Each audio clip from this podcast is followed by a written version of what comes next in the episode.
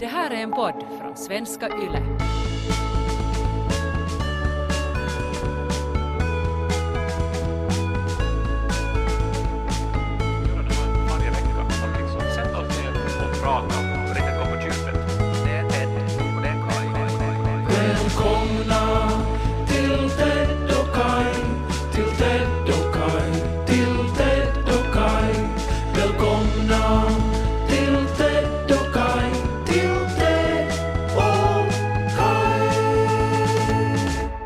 Talas ju ganska ofta om hårdagar, att man har en bra hårdag och det Mm. vet ju alla att det känns skönt. Man har ett, en extra boost i sin eh, personlighet när man beger sig ut med en bra hårdag. Jag har hört också att i kvinnliga kretsar så pratar man också om att man har en bra bryndag.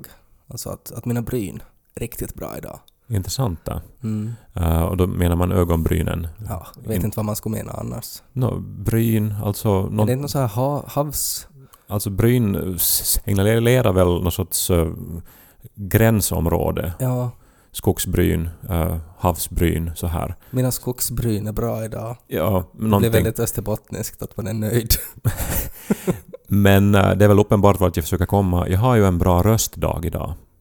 Ja, Eh, du och tänker så ja. Det är otroligt tillfredsställande. Mm. Och det går inte att styra över precis som hårdagar och så vidare. Man kan göra sitt bästa för att få en bra hårdag genom att till exempel tvätta håret kanske kvällen innan och föna det innan man lägger sig. Ja, men det är inga garantier. Nej. Man har aldrig någon garanti till en bra hårdag. Och det är bra nu att vi ska banda podd nu när jag Ja. har en bra röstdag. Den är lite skrovligare kanske. Alltså Ja. sådär att du, du, du steg upp för inte allt för länge sedan och du har inte pratat jättemycket. Att det har inte varit så mycket dynamik i din röst ännu så att den är ouppvärmd. Därför är den lite skrovlig skulle jag säga. Ja, jag ka- kan ju erkänna att jag var ute igår Mm. och drack lite grann. Ja, men det är ju det då. Men med den skjutsen i min personlighet beger vi oss alltså in i den här podcastens inspelning. Är du beredd idag då att förvalta din bra röstdag? Att har du någonting så här riktigt, någonting riktigt bra du kan använda din röst att berätta om idag? Nå, det känns ju som att jag har nu under en veckas tid har jag bara liksom levererat och levererat innehåll till folk. Jag har Mm. publicerat en ny roman. Ja. Jag har varit eh, i radio och gjort intervjuer om romanen. Jag har pratat med tidningar. Jag har på något vis gett folk samtalsämnen, om man Ja. säger så. Ja. Eh, och någonting att läsa. Men har det tagit slut? Förstås inte. Jag är ju en outtömlig källa. Mm. Men jag tänkte inleda med att prata om eh, mottagandet av den här boken och specifikt mottagandet av en specifik del av boken. Jaha. Eh, det är ju intressant med en roman, det innehåller ju mycket. Eh, mer specifikt innehåller den här boken 90 000 ord. Det är nog mycket det. Och det är ett ord som har väckt mycket uppmärksamhet. Mm. Jag Och, tror jag vet vilket ord det är. och det har tagits upp i tidningar, det har pratats om i radio. Eh, jag har fått eh, en mängd meddelanden som eh, undrar över det här ordet. Mm, men det är ju ett, det är ett ord som på något sätt signalerar att man borde veta exakt vad det är du syftar på för att det är ett så bra ord. Men sen när man ägnar det en tanke så inser man att det blir tomt i huvudet. Att det inte finns det riktigt någonting. Ja, det är ju vissa ord på något vis eh, skapar föreställningar automatiskt. Att just som du sa, att, att, att även om inte man riktigt vet vad det är så förstår man liksom vad andemeningen är. Mm. Jag tycker det är oftast är det just alltså sammansatta ord som är alltså påhittade men det känns som det skulle finnas någonting där. Mm. Om, om jag skulle ge mig ut liksom som ett förslag så skulle jag säga till exempel champinjonfylla. Alltså champinjon som är svampen eller som är engelskans champion. Nej, alltså som svampen, champinjonfylla. Att det låter ju som att, att det är någonting man ska så här, ja ja, en champinjonfylla. Men sen när man börjar fundera, vad betyder det? Har man plockat svamp på något sätt i berusat tillstånd? Har man ätit eh, mat med champinjoner i och druckit mycket alkohol? Vad signalerar det? Men det känns som att det skulle, det skulle kunna användas. Ja, eh, alltså du har helt rätt. Och det här handlar ju också nu om ett sammansatt ord. Alltså två ord som man sätter ihop och så uppstår någonting oväntat. Det här är ju du expert på som Mm. höll på med nya ord i radion och sk- skrev böcker med nya ord. Mm. Uh, men, eh, nå men, intressant också att du visste vilket ord det var frågan om. Ja, Ja, nej, ordet är alltså Tammerfors frisyr.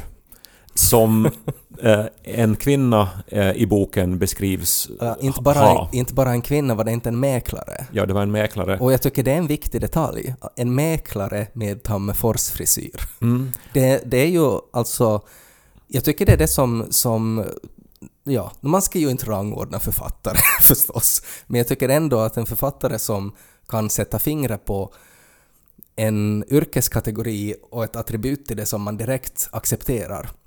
Okej, en mäklare med Tammerfors-frisyr. Så det får automatiskt en bild av det.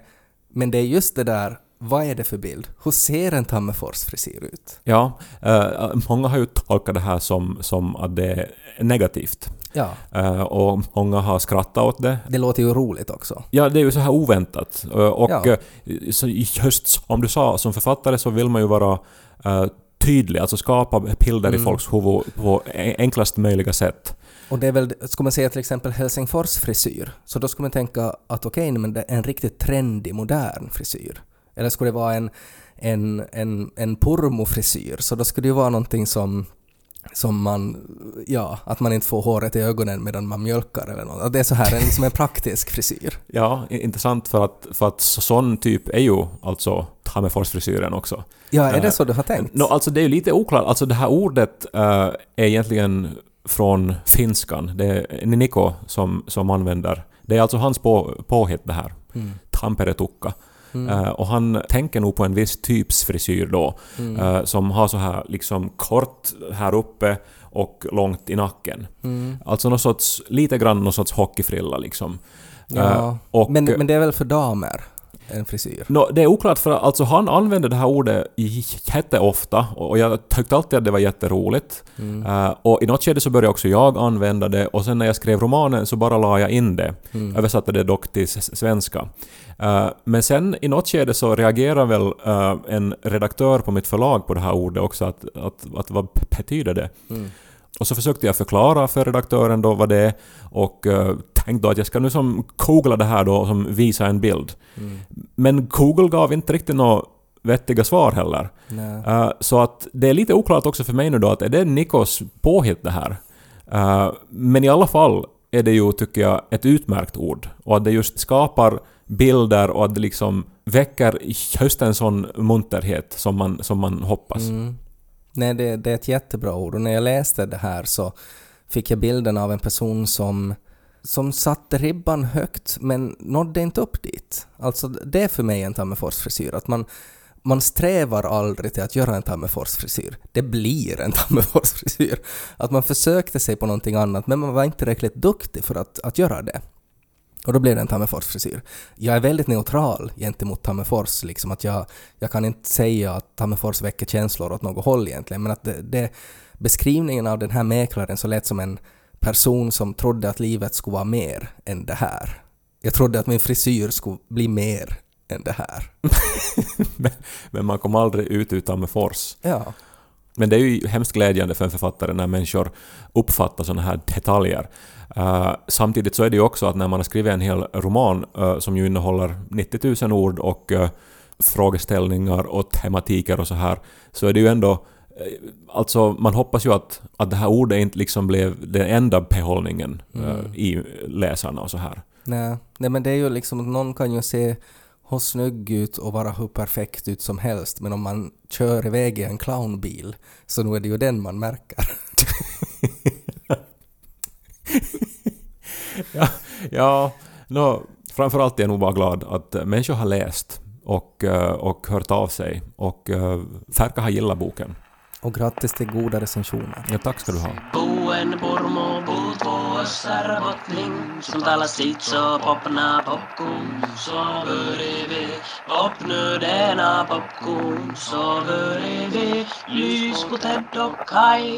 Den här boken handlar ju bland annat om bostadsmarknaden i Helsingfors men i centrum av boken så finns en djupdykning i sadomasochism. Mm. Uh, vad vet du om sadomasochism, Ted? Um, jag är ju ingen expert på det, ska jag säga. Så Men- säger väl alla, och det måste man säga, annars så tror människor att man är intresserad av det. Är det så? det kan hända. Det är väl alltså, jag, jag skulle säga att jag har ganska så här den här allmänna massans uppfattning om det. Att man, eh, man tycker att 50 shades of Grey är lite så här skojigt men att ändå är man lite nyfiken på det och så kanske man pekar på såna där rosa handklovar med så här päls på och så skrattar man lite att Ska du lägga fast mig sen då? Eller så är man i ett stall och så pekar man på en ridpiska och är så här Ja!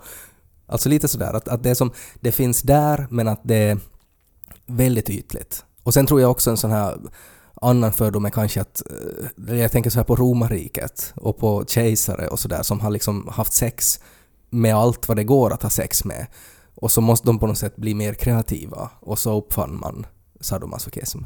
Ja, eh, det är ju tror jag väldigt nära sanningen det där att hemskt många har betraktat det som, som en sorts eh, förströelse för Mm. människor som har tröttnat på det vanliga sexet liksom. Och vill spicea upp det Mm. helt enkelt. Vanilj säger man väl? Vaniljsex, alltså vanligt sex om Mm. man säger så.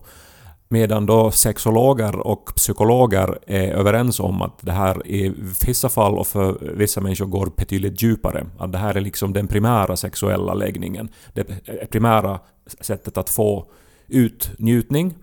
Och att det inte bara heller handlar om se- sexuell njutning utan om ett existentiellt behov. Alltså någonting som uppstår väldigt tidigt i livet. En känsla av att man är underkastad, av att man vill vara underkastad, eller att man känner sig dominant, att man är högre i hierarkin. Alltså en emotionell upplevelse. Ja, som, som är då helt någonting annat än att det skulle vara någonting så här som en bonusgrej för sådana som inte orkar med vanligt sex längre. Precis, och för, som med allt annat eh, i livet så är ju det här då ett spektrum. Att det finns vissa som upplever det då väldigt mycket så, som någonting väldigt djupgående och jätteviktigt. Och sen finns det då enda vägen då till dem som just bara ser det som för- förströelse. Att det, Mm. Variationen är enorm. Mm. Men jag har ju nu då på något vis gottat in mig i det här då och faktiskt som läst på och, och eh, pratat med människor och eh, verkligen försökt förstå det här. Mm. Så att jag har ju blivit på något vis nu då en sorts expert på det här ämnet plötsligt. Eller Mm. så känner jag ju mig inte och det skulle jag aldrig kalla mig. Men nu när jag mötte journalisterna så inser jag ju att, att det är så de ändå betraktar mig. För att Ja. jag har skrivit en bok om det här nu som mitt i allt är någon sorts eh, expert på sadomasochism. Men så är det ju. Alltså att alla författare som skriver en bok som tangerar ett specifikt ämne så blir behandlade som att man är expert kring just det där ämnet. Ja, men man måste ju skilja på författare och eh, vetenskapsmän, alltså Mm. forskare i sexologi och psykologi. Ja, men jag, för jag, jag reagerade på det där när vi skrev den här Zoo-serien, alltså som handlar ju då om ungdomar, tonåringar och, och deras känsloliv etc. Och när vi blev intervjuade om det så var det också som att, ja men att, så, så att vi blev behandlade som experter på att vara tonåring. Ja, och på något sätt så förstår jag att man resonerar så här. Om någon har ägnat mycket tid åt att skriva om ett ämne så då vet man ju mer om det kanske än gemene Mm. man. Men man kan nu då långt säga att inför de här första intervjuerna så var jag nervös.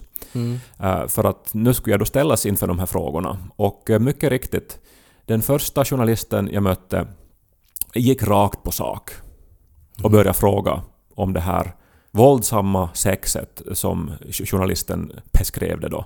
Mm. Och eh, jag försökte då eh, med bultande hjärta då förklara skillnaden då mellan våld och våld. Alltså om det nu är vuxna människor som är överens om att eh, nu ska vi göra en sån här lek och i den så eh, kommer det att förekomma då maktelement, kanske liksom rep, piskor, kanske slag och så vidare. Eh, Men att vi är överens om det här. Eh, Så det är ju en stor skillnad på det och på misshandel. Mm. Det är ju Ja. helt olika, alltså det är ju inte ens våld då. När, när det är liksom handlingar med eh, regler som utförs på ett våldsamt sätt medan våld är våld. Att det är nog olika saker. Men journalisten var inte alls nöjd med det här, som Jaha. jag sa. Och visst, hon har väl rätt i att jag då inte är då en riktig expert. Men jag hade aldrig ändå vetat att den här okunskapen kring ett sånt här ganska som jag nu har upplevt det ändå ganska allmänt känt ämne, alltså man vet att det här existerar. Ja men det, det tycker, alltså även om man inte är insatt överhuvudtaget i BDSM så bara av popkultur så känner man ju till begrepp som safe word och sådär. Att man vet att man kan sen stoppa det om det går för långt. Jo, att såna här sessioner är lekar. Mm. Alltså, det är inte någon som blir mot sin vilja utsatt för det här. Då, då, hade ju, då handlar det inte om BDSM längre utan om eh, brott. Liksom. Mm. Men pulsen steg ju och jag såg att, att eh, här, här fanns ännu mera frågor. Och min första intervju kring min nya bok urartade då i journalistens jämförande av BDSM med kannibalism. För, för journalisten hade då eh, läst om en eh, tysk man som annonserade efter en människa att äta upp. För Mm. att den här människan då hade en fixering som möjligen då var på, på något sätt sexuellt motiverad också. Mm. Att, eh, att äta upp en annan människa. Och det här eh, minns jag ju alltså då när journalisten nämnde det här så då minns jag att ja, jag har läst om en sån här case. Mm. Men jag kunde inte liksom tro mina öron att det här var den association som hade väckts av någon som läste min bok. Alltså ja. Att man jämför eh, det BDSM som jag ändå har tagit mig tid att beskriva med kannibalism. Att så stor är okunskapen kring det här ämnet. I och för sig så fanns det ju nog en koppling att om den här kannibalen också efterlyste i en kontaktannons att, att eh, här är en kannibal, jag skulle behöva ha någon att äta eh, och sådär. Och, och i, i din roman så är det ju också en person som använder en kontaktannons. Mm. Så att, att det finns ju en koppling nog där. Men det skulle nog ha blivit en annorlunda bok då publicerad författare önskar äta upp någon. Det, men, det, men det var just också vet för att det var första intervjun. Och där Mm. står jag och förklarar att en avgörande skillnad mellan BDSM och kannibalism är att kannibalism är ju mord Mm. och BDSM är en samlingsnamn för en massa olika sorters aktiviteter som inbegriper makt, dynamik och så vidare som man kan använda med sin sexpartner eller med, med sig själv. Kanske hon alltid ställer, det är liksom hennes go-to journalistiska fråga det att när hon intervjuar någon som har bakat världens största pizza och så frågar hon att men att det är inte det här pizzabaket när man äter den, är det inte nästan samma som att äta en människa? att journalisten alltid liksom gör den jämförelsen. Ja, oberoende att- ämnet. att jag hörde om en sån här en man i Tyskland som då istället för att äta pizza så åt han upp en annan människa. Att, Mr Lordi, du har just vunnit Eurovision. Jag läste om en kannibal. Karsten Warholm, du slog nu världsrekordet i 400 meter häck med dina långa ben. Jag tänkte det var, det var en sån här tysk man som, som åt upp ett ben om dagen. Ted och Kai. Skulle jag ändå måste prata om elefanten i rummet.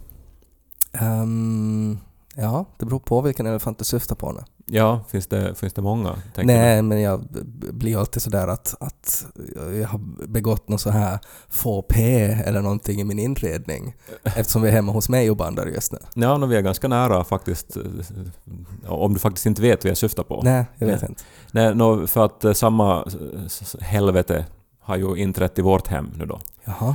Eh, det är faktiskt obegripligt för att Niko älskar ju eh, när det är fint så här. Att han, han letar länge efter just rätt typ av stol och, Ja. och så här vill att det ska vara rätt sorts belysning och det ska vara fina mattor och så här. Alltså, Mm. och då menar jag inte tyra mattor och Nej, sånt nej. utan helt enkelt sånt som, som passar ihop och som Han är, är en- gjort med omsorg. En estetiker. Ja, och det här är som... Vet du, det är otänkbart för honom att ha en pinnstol som inte har den här fördjupningen i som signalerar att den är designad av Ilmari Tapiovaara. Mm. För att den är liksom då 5% snyggare än en vanlig pinnstol och därför så ska vi förstås ta den som är snyggare. Ja. Det är på sån här nivå. Ja, ja, ja. Och, eh, men, men, men nu har Ni- Nico fått någon sorts, jag, jag vet inte, alltså någon sorts personlighets... Alltså det, det är helt obegripligt vad han har brutit mot sin egen smak och, och stil. Mhm. Och jag menar, jag älskar ju honom och så här, men jag, jag är ju också som... Det är alltid bra när man säger att jag älskar honom, men... Ja men det verkar som att han håller på att förändras. Alltså, och, och, och inte bara då så har han med, med, med vilje skaffat den här saken Mm. och betala vet du, jättemycket pengar. Mm. Men det är ju faktiskt ofattbart hur ful den här nya Playstationen är. Den är inte vacker. Jag håller med. Den är... Man kan säga mycket om designen på den, men att den är inte till... Alltså, det kräver väl ett väldigt speciellt hem för att få den att passa in. Den sticker så ut i ett vanligt hem så att man, eh, man vill inte riktigt ha fram den. Men den liknar ju, vet du, alltså på något sätt så har den samma formspråk som Centrumbiblioteket Ådi i Helsingfors. Mm. Så här modern, vågigt. Men, och, och Ådi har ju älskats av eh, människor, men det här ser ut som om, vet du, Tupperware skulle ha designat Ådi. Alltså den är som... Nej, den är, de, ja, de har försökt lite för mycket tror jag och, och det kanske går såna här liksom rörelser nu liksom att, att så här teknik ska, ska också kunna vara liksom design. Medan jag har på något sätt alltid tyckt att teknik får jättegärna bara vara en diskret box. Det behöver inte vara fint att se på. Och det är faktiskt, eftersom det här är kanske nu då årets största elektronikhändelse, eh, kan vi väl säga så. Och liksom ett av de mest emotsedda och uh, hypade släppen liksom på hela året. Att man har kunnat göra en sån här designmiss är, är, tycker jag är helt ofattbart. Skulle man kunna kalla att det här att, att eh, Playstation 5 har en Tammerfors-design? Alltså, jag tror alla skulle... Det är det bästa. Alltså jag tror faktiskt att alltså, där har vi det. Det här, alltså det är en Tammerfors design. Och jag har läst nu då, alltså jag, för, för att jag, jag reagerade på det här genast jag såg den. Eko bad om ursäkt och sa Ja. att, att, att den ska sen dit bakom eh, den här jo, hyllan. alltså man måste ju gömma den. Jag har ju min alltså i, i ett skåp, alltså med dörren stängd. Och, och mycket riktigt då, så, för jag tänkte att vi kan ju inte vara de enda i världen som reagerar på det här, så jag googlade och det finns ju långa diskussioner. Och människor som är helt rakt ut meddelar att de vägrar köpa den här innan de ändrar på designen. Ja, det är inte en fin design. Alla är överens om det. Så hur är det möjligt att den existerar? Jag tänker på alla de här mötena, alla, alla skisser som har lagts fram, alla... Nej, man, ville, man, ville, man tog en risk och misslyckades. Och, men det som, jag tycker det som är intressant här är ju då i Nikos fall, alltså sådär att man går emot, alltså sådär att man tänker att, att estetik är viktigt, men att sen så handlar det också om funktion. Och nu handlar det ju helt enkelt om att, eh, att den här funktionen var viktigare än est, det estetiska. Nej men för Niko är ingenting viktigare än det estetiska. Ja men helt tydligt är det viktigare att han ska få spela på den än så att han kan stå ut det här utseendet. Och så det där, Nico blir äldre. Det är ju det det handlar om. Alltså att, att funktion börjar väga mera än form. Du menar det är en sorts mognadsprocess? För att jag menar tvärtom, ju äldre man blir och du, ju mer man inser att tiden är dyrbar, livet är kort, så då vill man ju omge sig med det som är vackert. Ja, men enligt precis samma logik så måste man ju också göra kompromisser. Tiden, tiden är kort. Om jag vill spela på den här nu så måste jag skaffa den fast den är ful. Men de har ju ett enormt ansvar, de som producerar vardagselektro... Eller så, sådana här vardagsföremål. För Mm. Den är, ju, den är ju så stor också, alltså att, att den ryms ju inte heller i vanliga TV-möbler. För att den tar så mycket plats. Att det är inte bara att den är ful, den är jättestor. Den borde ha sålt sådär, alltså som när TVn kom så fick man ju dem färdigt monterade i en möbel. Alltså att det fanns ju som ett TV-skåp som man öppnade upp då när nyheterna började och så var liksom TVn där inne. Så borde de ha sålt Playstation 5. Att man köpt en sorts, som ett litet barskåp köpte man. Och så när man öppnar upp det så där finns spelkonsolen. Eller åtminstone att man skulle ha fått välja mellan olika färgalternativ. Det skulle ha funnits någon som är helt svart åtminstone. Mm. Nu är den alltså vit och svart. Ja, den sticker ut. Och, vet du, om man har någonting i sitt hem som är gjort av trä till exempel, så då passar den inte Nej, in där. nej, så är det. Men Nico är ju teckningslärare. Han kan ju modifiera den, han kan ju customisera den. Han skulle kunna bli rik på det, att börja kostymera folks Playstation så att de passar in. Slöjdar ihop någon sorts teakhölje som man kan trä över den. Det skulle jag skulle ju köpa det direkt. Ja, som någon sorts skal till telefonen liksom. Ja. in, inte alls en dålig idé. Men när det kommer till just Sony och liksom Playstation-konsolerna så tror jag också att det går ungefär så det varannat år. Alltså Playstation 1 var ganska speciell, att den var ju sådär grå och, och den...